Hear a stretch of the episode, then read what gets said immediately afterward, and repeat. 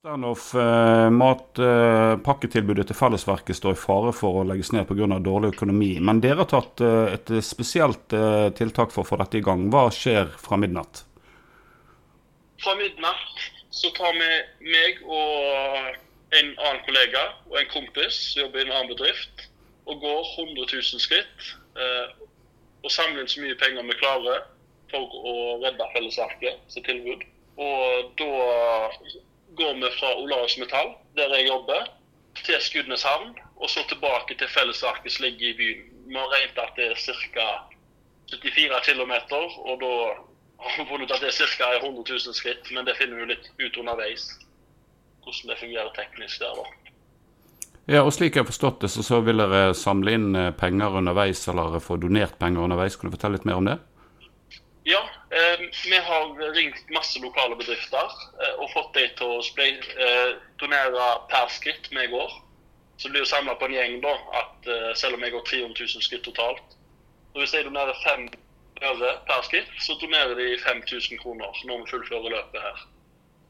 Og så har vi òg at alle som donerer 100 kroner eller mer, er med i loddtrekning av en splitter ny varmepumpe. Sponsa av MK Vernbo og en lokal bedrift her. Og Slik jeg forstår det, så er det dårlig økonomi i dette uh, matpakketilbudet. Det er 150 000 kroner som er summen som er satt. Uh, allerede er kommet over det nå i Spleis-samling. Kan du fortelle mer om det? det grunnen til vi starta dette Spleis-laget, er jo at dette er et fantastisk tilbud. Og vi ønska å redde dette, for vi uh, fikk med oss at det ble maks én gang i uka, dette matpakketilbudet til ungdommer som trenger det ut året. Og da ønsker vi at det blir i hvert fall 150 eh, 000 skal hjelpe at de får tre til fire ganger i uka matpakker og har en sosial plass de kan møte før og etter skole. Eh, men nå har vi jo passert målet, og hvis vi kommer på 200-250, så kan vi få hver dag i uka. Så hadde det vært helt fantastisk. Eh, så det, selv om vi har nådd målet, så ønsker vi å få så mye som mulig for å holde dette her i drift så lenge som mulig. Eh, for de som sitter og hører på nå, hvordan kan jeg følge denne her vandringen deres fra, fra, fra Olaussen Metall og ned til Haugesund? Eh, det kan du følge på våre sosiale medier, på Olaussen Metall. Eh, Fellesverket Haugesund vil òg dele alt. Også for at uh, de som tviler på at vi går de 100 000 skrittene, så har vi lagd en Strava.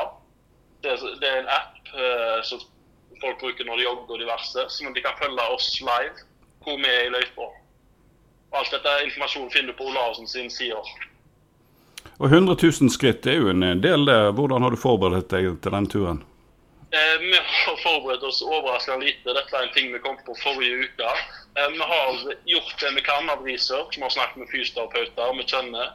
Og søkt opp eh, for å forberede oss. Vi skal jo teipe opp beina for at vi ikke skal ende opp med skader. Vi har eh, tatt med væske. Vi har Røde Kors stiller opp med stasjoner gjennom løypa med mat og drikke og diverse vi trenger med gnags og sånn.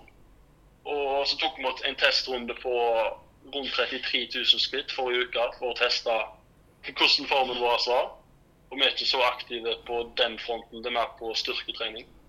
Eh, og det, det gikk greit, men vi kjente at det kom til å komme noen hemmer og litt smerter her og der.